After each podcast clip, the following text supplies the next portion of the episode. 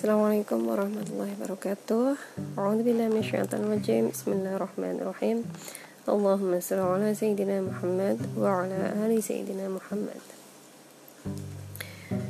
Kembali lagi teman-teman.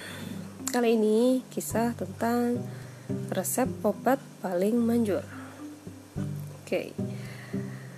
Suatu hari, seorang raja Persia memanggil empat orang tabib ternama mereka berasal dari berbagai negara, yaitu dari Irak, Romawi, India, dan Sudan. Sang raja ingin tubuhnya selalu sehat.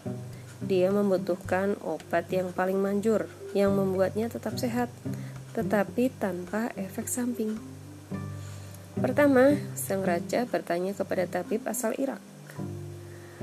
Obat paling mujarab adalah minum air hangat sebanyak tiga teguk setiap bangun tidur setiap pagi.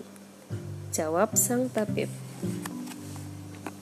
Kemudian sang raja bertanya kepada tabib dari Romawi. Makanlah selalu biji rosyad, sejenis sayuran. Nasihat si tabib. Lalu sang raja bertanya kepada tabib asal India. Obat yang dapat menyehatkan tubuh tanpa efek samping adalah memakan tiga biji, tiga biji ihlijaj sejenis gandum hitam setiap hari.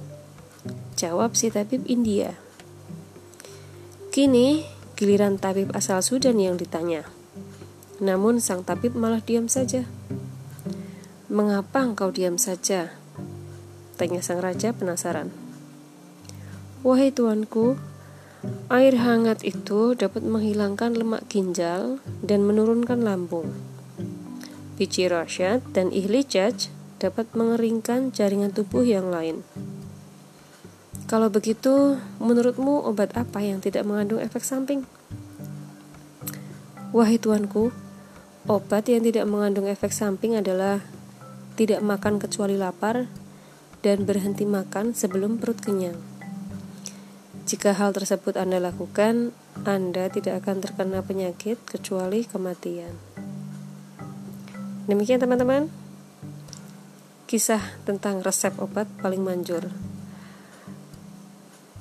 Uh, ini kayaknya wajib untuk kita praktekkan ya, karena ini juga sunnah Rasul ya, uh, resep untuk menjaga kesehatan tubuh kita. Seperti itu.